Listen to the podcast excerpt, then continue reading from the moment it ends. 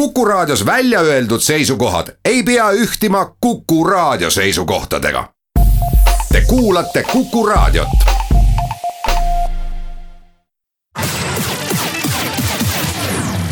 nädala Tegija.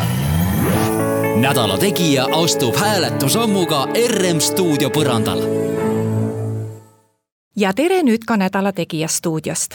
täna on Nädala Tegija külaliseks Marina Kaljurand, Euroopa Parlamendi liige. tere päevast! tere! saatejuht on Ulla Lents. Marina Kaljurand, homme on meil see päev, kus me räägime palju Euroopast, sest see on Euroopa päev. samal ajal me elame täna hoopis erilises Euroopas kõige selle taustal, mis meil praegu maailmas toimub. kui me räägime Euroopa puhul, et Euroopa Liidu puhul, et meil on väga palju ühiseid reegleid, me elame noh, peaaegu nagu ühes riigis, ühes Euroopas, siis sel hetkel, kui see koroonakriis algas, oli Euroopa Liit väga paljudele pettumuseks keegi ei teadnud, mida teha ja kui me tavaliselt saame Brüsseli poolt väga palju soovitusi, noh umbes sinnamaani välja, kuidas taldrikuid lauale panna, siis ühel hetkel ei saanud me mitte ühtegi soovitust. kõik tegid seda, mida nad teadsid ja teistega ei arvestanud enam mitte keegi. kui suur pettumus see oli? muidugi see oli pettumus ma arvan, see oli pettumus igale inimesele, kes hoolib Euroopa Liidust, kes leiab, et Euroopa Liit on just see õige organisatsioon meile, Eestile, kõigile meie inimestele, kes hoolib ühisest koostööst, koordineerimisest, solidaarsusest, muidugi oli see pettumus. ja näitas väga selgelt, et Euroopa Liit ei olnud selleks kriisiks valmis noh, muidugi Euroopa Liit on selline suur mõiste, et võib ju öelda ka noh, ka Euroopa Parlament oli mõnda aega kliinilises surmas. aga me suutsime täita ikkagi oma tööülesandeid, et kohe, kui me saime hakata seadusi muutma, mida komisjon meile esindas, me, esitas, me hakkasime seda ka tegema komisjoni poolt, kellel tegelikult on meetmed selleks, et hoida ühisturgu äh, ja kaupade vaba liikumist töös, oli see aga kliiniline surm väga märgatav. nii et kui Ursula von der Leyen vabandas hiljem itaallaste ees, noh, leian mina, et ta oleks pidanud vabandama kõigi eurooplaste eest, keda Euroopa Liit ja eriti Euroopa Liidu Komisjon selle kriisi alguses alt vedas. Kuidas teile praegu tundub, kas me juba tegutseme koos, me oleme sellest hirmust üle saanud, me oleme sellest teadmatusest üle saanud. Ja me ei ütle kellelegi, et vaat me ei aita seda riiki või teist riiki, sest meil on endal häda käes, kas me oleme nüüd juba sinnamaani jõudnud? No see kriis, ta langebki sellisesse valdkonda, kus ühelt poolt on riikidel ainuõigus otsustada oma julgeoleku üle, oma tervishoiu üle. nii et noh, seda, kas riik annab julgeoleku küsimused Euroopa Liidule, ma arvan, seda ei juhtu. riigi julgeolek on ja jääb riigi pädevuseks. nii et Euroopa Liit ei saa seal äh, sekkuda nii palju, nagu ta sekkub näiteks väliskaubanduses või põllumajanduses või teistes valdkondades. nii et seda ma tunnistan, et Euroopa Liidul ja ütleme ka komisjonil meil on siin väiksem pädevus. Aga see ei tähenda, et me kriisi ajal üksteisega ei räägi, ei suhtle, et me neid samme ei kooskõlasta. Nii et äh, kui Ursula von der Leyen oli Euroopa Parlamendi juhtidega kohtumas eelmisel nädalal, ütles ta, et vahepeal on komisjon vastu võtnud sada, umbes sada otsust kuidas kriisi mõju leevendada, kuidas kriisist välja tulla, seal on nii majandusotsuseid, finantsotsuseid, no sotsiaalseid teemasid puudutavaid otsuseid, nii et sellest ma näen, et komisjon on oma õppetunnid saanud, oma järeldused teinud ja need, mida komisjon praegu välja pakub, näiteks kas või Schengeni piiride avamiseks, on väga mõistlikud ettepanekud kas nüüd riigid neid järgivad ja kui palju riigid neid järgivad, eks see saabki olema tõehetk. nii et mina vaatan praegu kriisist välja, välja tulemist just sellisena, kas me oleme midagi õppinud, kas me suudame kriisist koos välja tulla paremini, kui me kriisi alguses tegutsesime.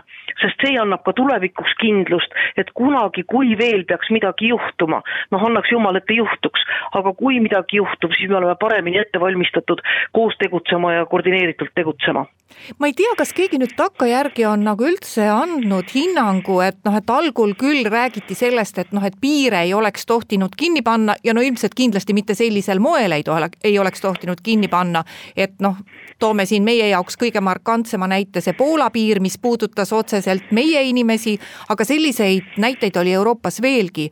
et kas see tol hetkel oli üldse õige otsus kas me täna oskame öelda, oli see õige, sest et noh, praegu me saame ju aru sellest, et inimesed eriti nagunii ei liiguks üle piiri, et nad riigi, liiguvad hoopis rohkem siseriiklikult kui üle nende piiride. samas see piiride kinnipanek on ikkagi, need tagajärjed on väga halvad olnud no mina vaataksin seda küsimust äh, kahest erinevast aspektist.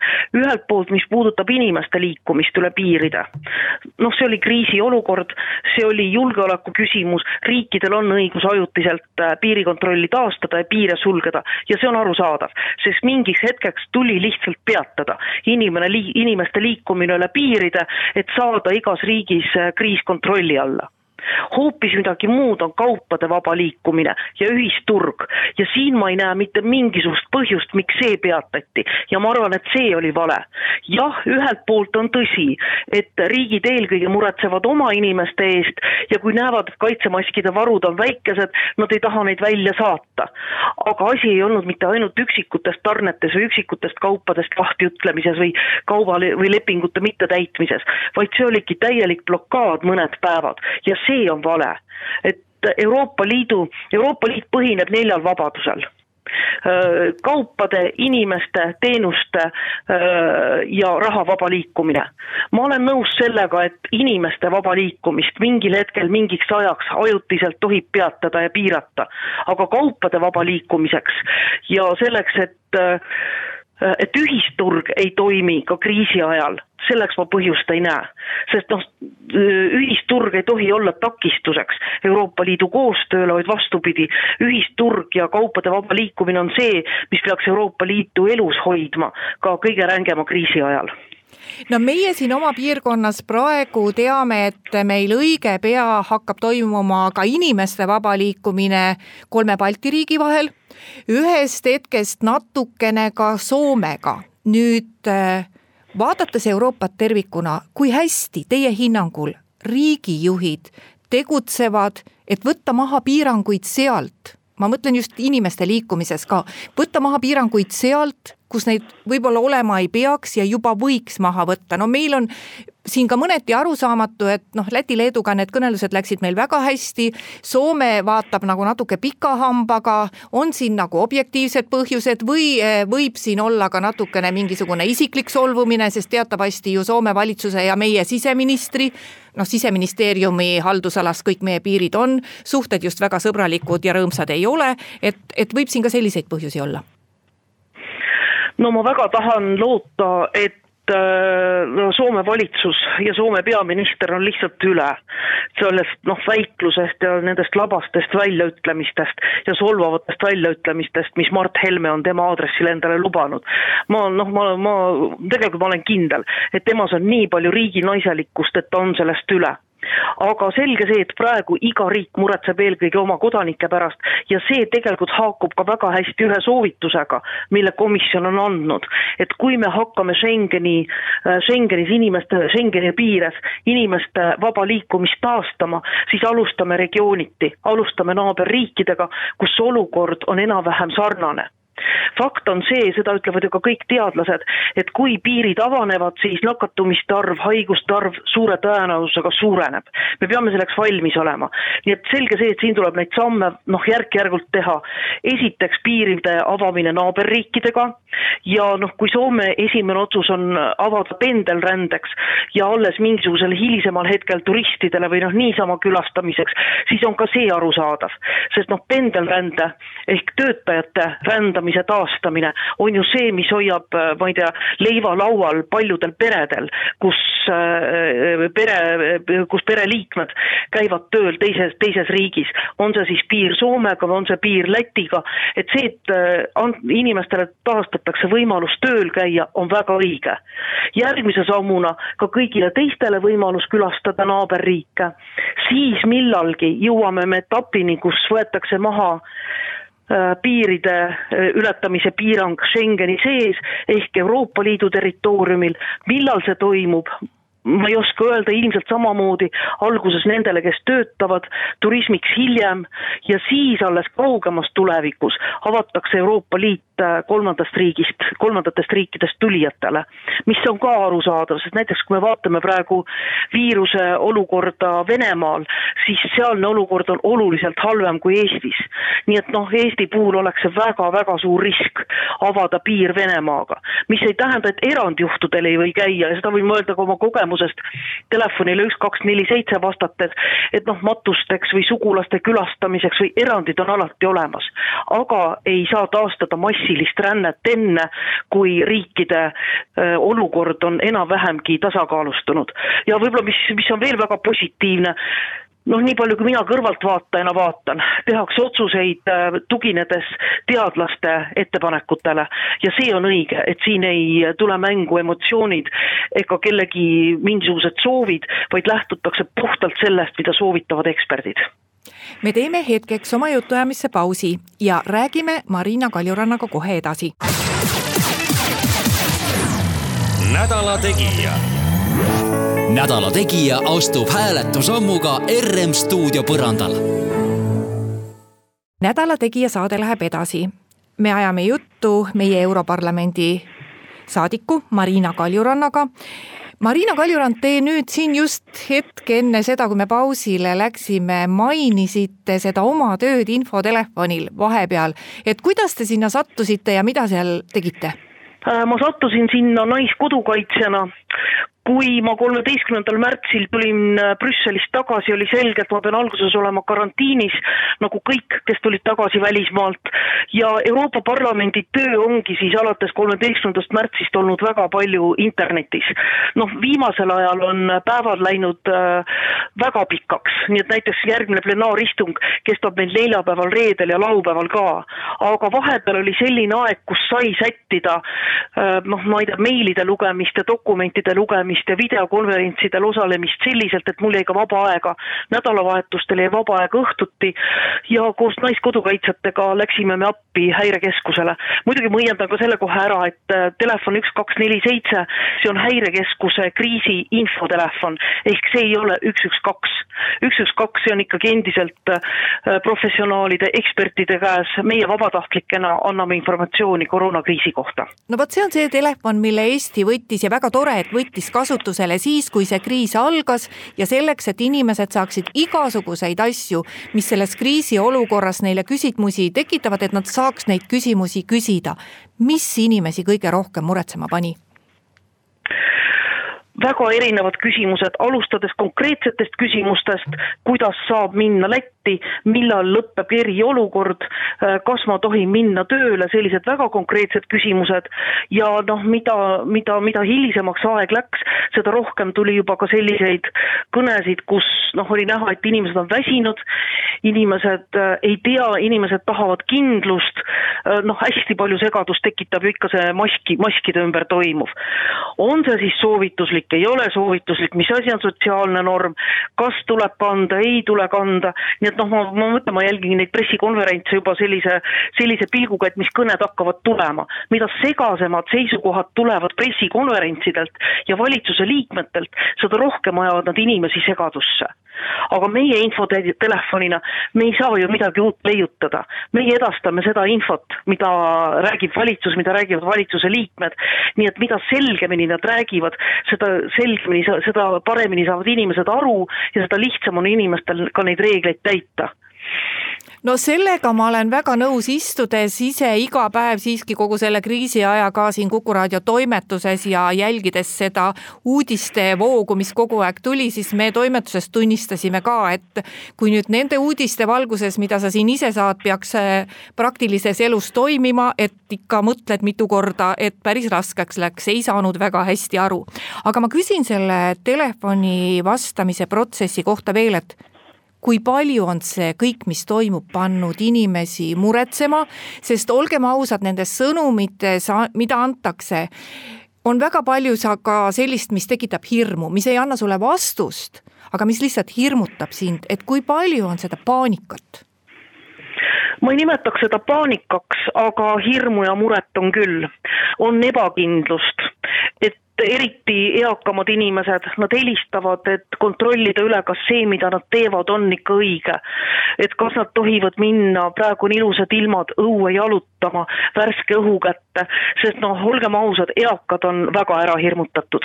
Nad on ju, enamus neist on istunud isolatsioonis nüüd varsti juba kaks kuud Nad on saanud toidupakke ukse taha, jah, suhelnud Skype'i või Whatsappi või millegi teel oma sugulastega, aga noh, see ei ole, see ei ole see suhtlemine, millega nad on harjunud.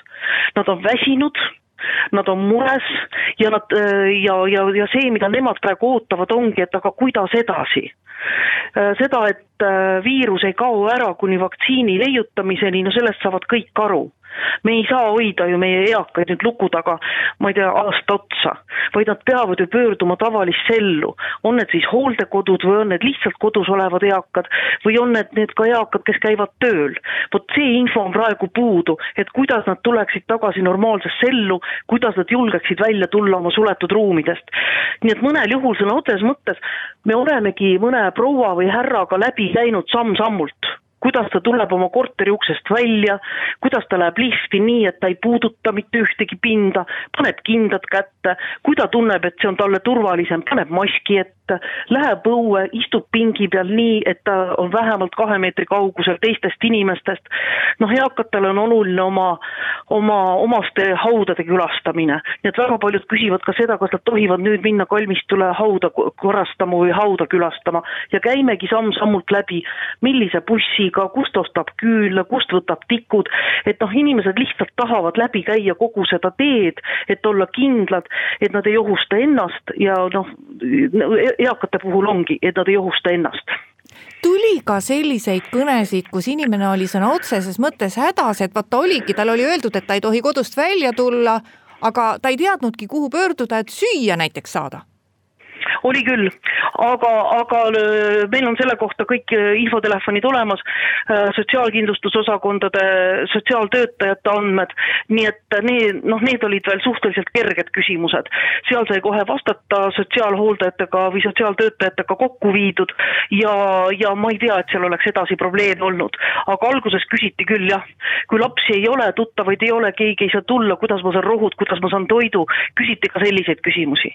no muidugi on küsimuste küsimuste arv ka oluliselt langenud, et kui alguses oli päevas paar tuhat helistamist, siis noh, viimasel ajal langes see kahesaja, kolmesaja peale, noh ilmselt nüüd, kus hakkavad piirangud samm-sammult kaduma, tuleb neid küsimusi juurde sellepärast, et noh, täna praegu sisuliselt iga päev tehakse mingisugune otsus, mis midagi muudab.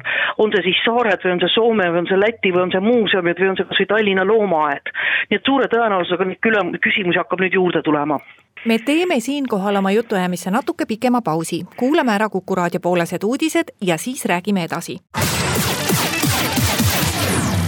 nädala Tegija. nädala Tegija astub hääletusammuga RM stuudio põrandal nädala Tegija saade läheb edasi, stuudios on Euroopa Parlamendi liige Marina Kaljurand.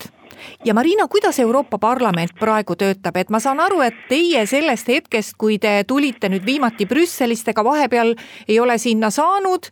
Ja noh, ma ei tea üldse, kui keeruline Tallinnast või kui võimalik on üldse praegu Brüsselini mingit teed pidi jõuda no ma tean, et mõned minu kolleegid on Brüsselis käinud, aga noh, kuna Euroopa Parlament äh, on teinud meile võimalikuks töötamise kaugteel ja tegelikult Euroopa Parlamendi üleskutse on, ärge praegu reisige.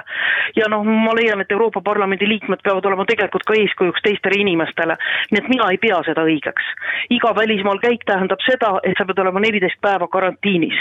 no neliteist päeva karantiinis, parem ma töötan kaugjuhtimise teel ja vabal ajal lähen vastan infotelefonile või teen midagi kasulikku. nii et ma ei ole püüdnudki Brüsselisse minna. ma väga loodan, et juuni plenaaristungile, mis on äh, seitseteist, kaheksateist juuni, et võib-olla selleks ajaks on siis mingisugused lennud taastunud ja piirid rohkem avanenud, et siis saaks Brüsselisse minna. aga praegu on Zoom'id, Skype'id, telefonikõned hääletamine toimub ikka no väga üheksateistkümnenda sajandi rütmis. Saame hääletuslehed trükime välja, veame, kirjutame ristikesed, pildistame või skännime, saadame tagasi, ootame kolm-neli tundi tulemusi, siis otsast peale jälle hääletame, et noh, see on, see on, see, see näitab selgelt, et Euroopa Parlament tehniliselt ei ole valmis istungeid äh, pidama nii, nagu peaks. noh, mõnes mõttes on see ka arusaadav, seitsesada viis parlamendiliiget, kui me paneme sinna juurde veel ka abid ja sekretäriaadi, siis on see paar tuhat inimest, tõlge kõigisse keeltesse, no seda lihtsalt ei suudeta hoomata, seda lihtsalt ei suudeta teha. nii et praegu on tõlge piiratud kuue keelega, sõna saavad ainult need, kes on Brüsselis või siis fraktsioonide juhid, noh, mis mõnes mõttes on ebaaus, võib-olla see on ka üks põhjus, miks inimesed nii väga kipuvad Brüsselisse minema, vaatamata soovitusele mitte reisida. arutelu sisuliselt ei toimu, fraktsiooni kohtumised toimuvad, töögruppide, komisjonide kohtumised toimuvad, aga seda plenaaristungi debatti, mille poolest plenaaristungid tegelikult on ka noh, teada ja tunta, kus saadikud saavad väljendada oma arvamusi, neid ei ole. nii et noh, mina olen kasutanud võimalust ja ja pärast kõiki hääletusi lihtsalt kirjalikult lisanud oma selgitused, miks ma ühes või teises küsimuses hääletasin ühte või teistmoodi. nii et kui kedagi see huvitab, see kõik on minu kodulehel väljas. kui tõhus ja kui selge on tänaseks päevaks see, kuidas Euroopa liikmesriike aitab selleks, et nad väljuksid sellest kriisist võimalikult väikeste majanduslike kahjudega? No ma võtan kohe viimasest lausest kinni, majanduslikud kahjud saavad olema suured noh, viimaste andmete järgi saab Euroopa Liidu äh, majanduslangus olema seitse koma neli protsenti SKT-st, mis on väga suur. kuidas sellest kriisist välja tullakse, see kõik nüüd sa-, saabki selgeks siis, kui suudetakse kokku leppida järgmises Euroopa Liidu eelarves kui te mäletate, siis rikkamad riigid olid väga vastu sellele, et nad panustavad rohkem kui praegune üks protsent Euroopa Liidu eelarvesse. rikkamad riigid ehk need, kes on siis suurimad panustajad.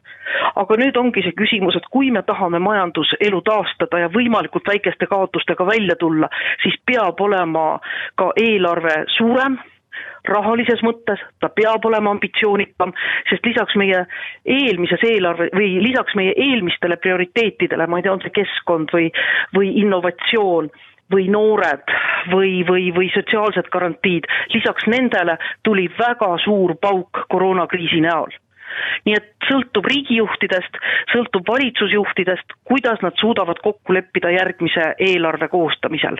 ja kui see on ambitsioonikas, kui seal on piisavalt rahalisi vahendeid, siis seda kiiremini taastub ka majandus noh, ma väga loodan, et võib-olla see kriis on pannud ka, äh, ka ministreid ja valitsusjuhte rohkem otsima kompromisse ja aru saama, et koos tegutsedes me oleme edukamad kui igaüks omaette tegutsedes no mäletatavasti, kui see parlamendi koosseis ametisse astus, siis ju peeti keskkonnateemat, mis ju aastaid on olnud selline nagu nišiteema, siis praegu ju kerkis see väga teravalt esile. et kui suur on praegu oht, et äh, meil on nii palju tegemist sellest kriisist väljumisega, et võib-olla sellised rohelised kokkulepped lihtsalt unustatakse ära ma usun, et need ei unustata ära, aga see oht on reaalselt olemas et tegelikult rahalisi vahendeid nende roheliste eesmärkide elluviimiseks ei ole sest juba varem tekitas küsimusi, ma mäletan, kui president Ursula von der Leyen esines Euroopa Parlamendi ees oma programmiga, no siis see oli muusika sotsiaaldemokraatide kõrvale, kõrvadele.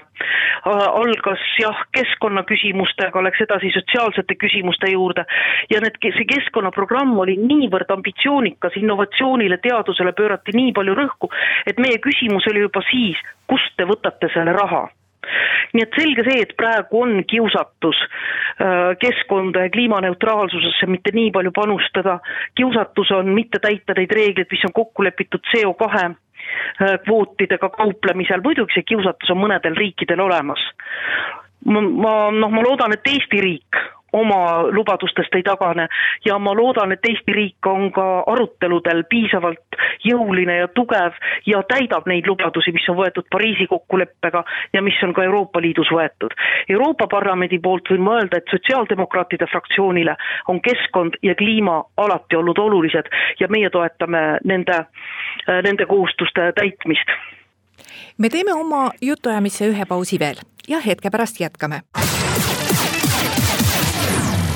nädala Tegija. nädala Tegija astub hääletusammuga RM stuudio põrandal. nädala Tegija saade läheb edasi. me ajame juttu meie Europarlamendi saadiku Marina Kaljurannaga. Marina Kaljurand, kui tähelepanelikud me peaksime täna olema ikkagi inimõiguste suhtes.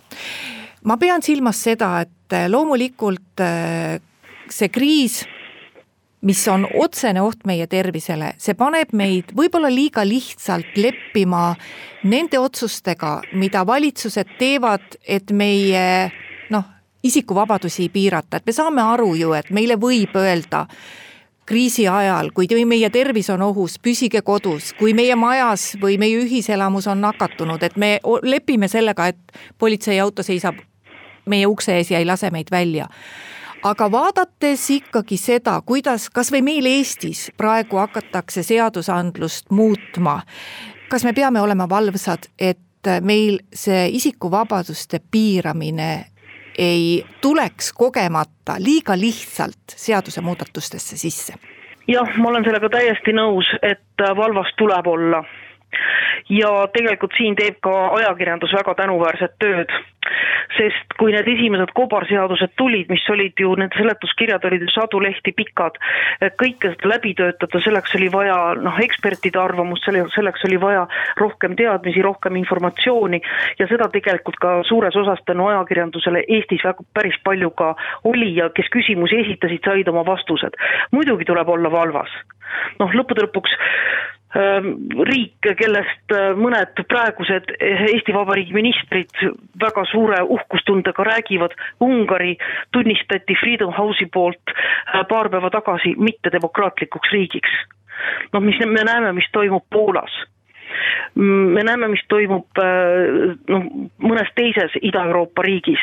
ehk see libisemine demokraatia teel on nii lihtne et vahel tegelikult teeb see ka mulle muret, et meie, kes me oleme elanud taasiseseisvunud Eestis alates üheksakümne esimesest aastast, me võtame demokraatiat, inimõigusi vahel liiga iseenesestmõistetavalt ja liiga lihtsalt. ei ole, see on midagi, mille eest sa pead seisma iga päev, jälgima iga päev.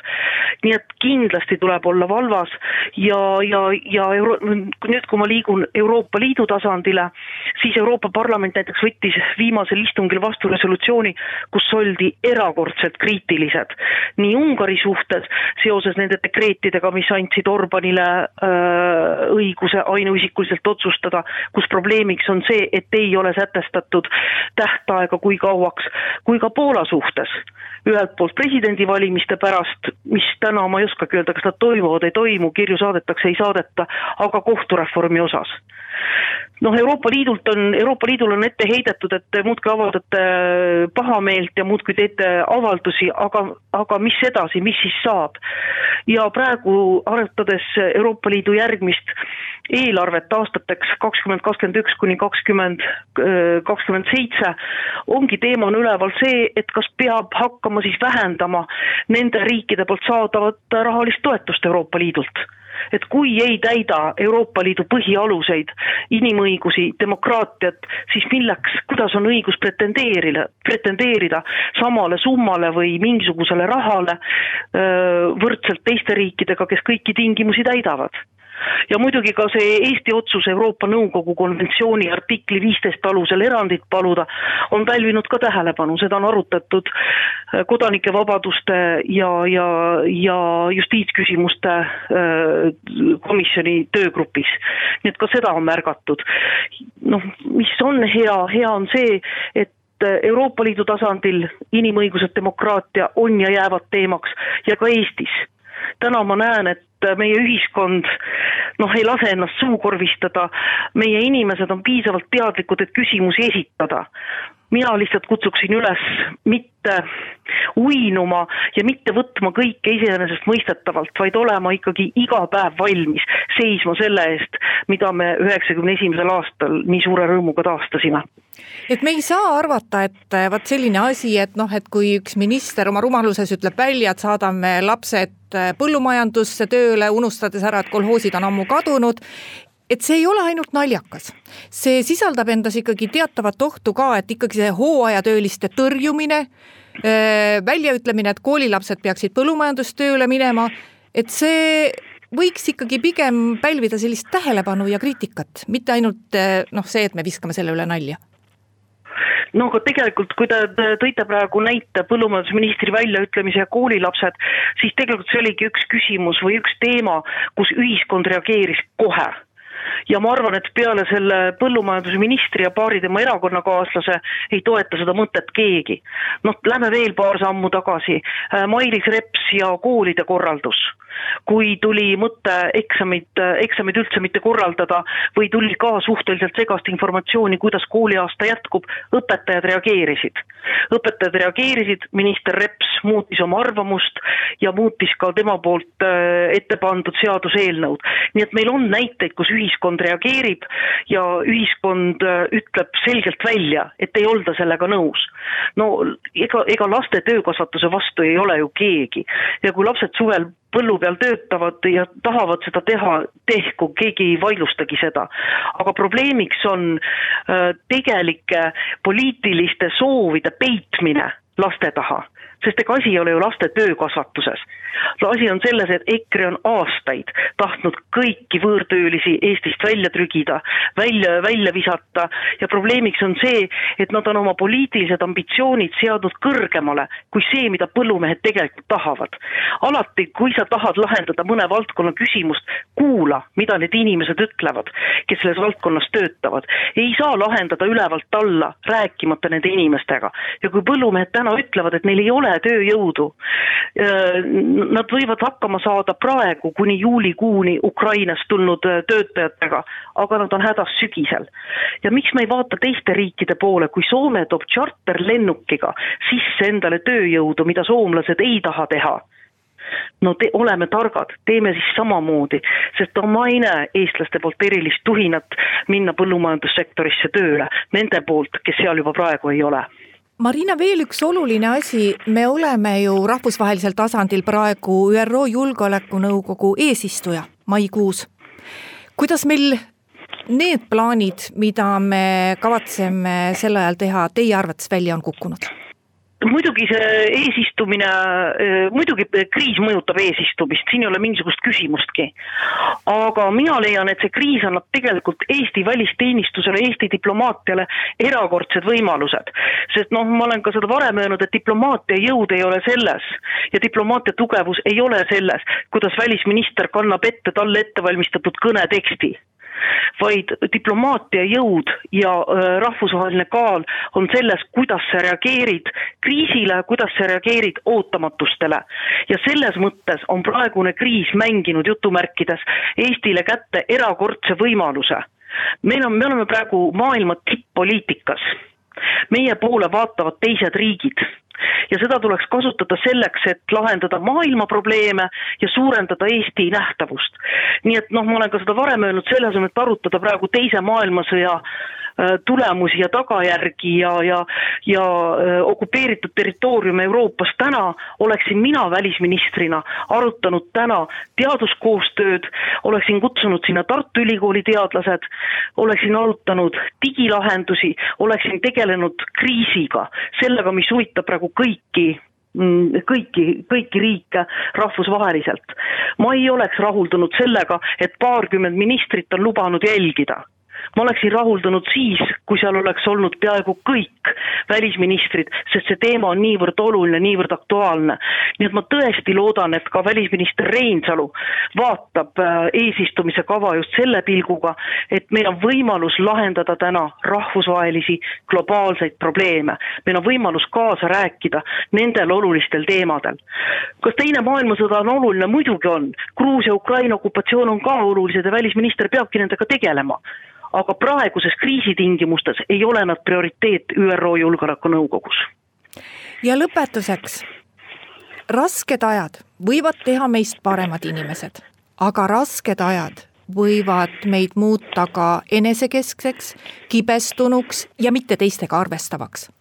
Kuidas me sellest kriisist teie hinnangul inimestena välja tuleme, ka ütleme nagu Euroopa vaates, ega ei ole ohtu, et me ka siin Euroopas muutume rohkem kapseldunuks. Eh, hakkame rohkem kuulama neid, kes on kogu aeg hirmul ja ei taha enam teisi aidata, ei taha teistega tegemist teha. kes tahavad piire sulgeda, tahavad endasse tõmbuda, kuidas me siit edasi saame? Minu jaoks on see kriis olnud väga selge õppetund sellest, mis saab, kui Euroopa Liit ei tegutse koos, vaid liikmesriigid tegutsevad üksi. ja juba Euroopa Parlamendi valimiste ajal tegelikult Eesti inimesed ütlesid, et nad usuvad tugevasse Euroopasse, nad usuvad ühtsesse Euroopasse, sest see on hea Eestile, see on hea meie inimestele. sest noh, vaadake, kes on lähetatud Eesti poolt Euroopa Parlamenti, on ikkagi äh, ainult üks kandidaat, kes läks eesmärgiga Euroopat lõhkuda. teised läksid eesmärgiga Euroopat üles ehitada. ja võib-olla täna on ka hästi sümboolne meenutada Robert Schumannit, Prantsusmaa välisministrit, kes üheksandal mail tuhat üheksasada viiskümmend luges ette Schumanni deklaratsiooni, mis sai aluseks Euroopa Liidule. see oli pärast suurt kriisi, pärast teist maailmasõda täna elame me kahekümne esimese sajandi seni suurimas kriisis ja võib-olla just selle kriisi varjus oleme me valmis uueks Schumanni deklaratsiooniks võib-olla ma väga loodan, et võib-olla see kriis annab just tõuke vaadata, kus me saame rohkem koos tegutseda, kus me saame rohkem ühiselt tegutseda. ma ei ütle seda, et kõik otsustamisõigus tuleb anda Euroopa Liitu, absoluutselt ei. on küsimused, mis on ja jäävad Eesti pädevuseks. julgeolek, tervishoid, nad jäävad Eesti pädevusse, aga tervishoiu vallas saaks ju teha palju paremat koostööd. on see siis teaduskoostöö, on see vaktsiinide väljatöötamine või on see ka näiteks äh, arstimite või kaitsevahendite äh, ühine hankimine.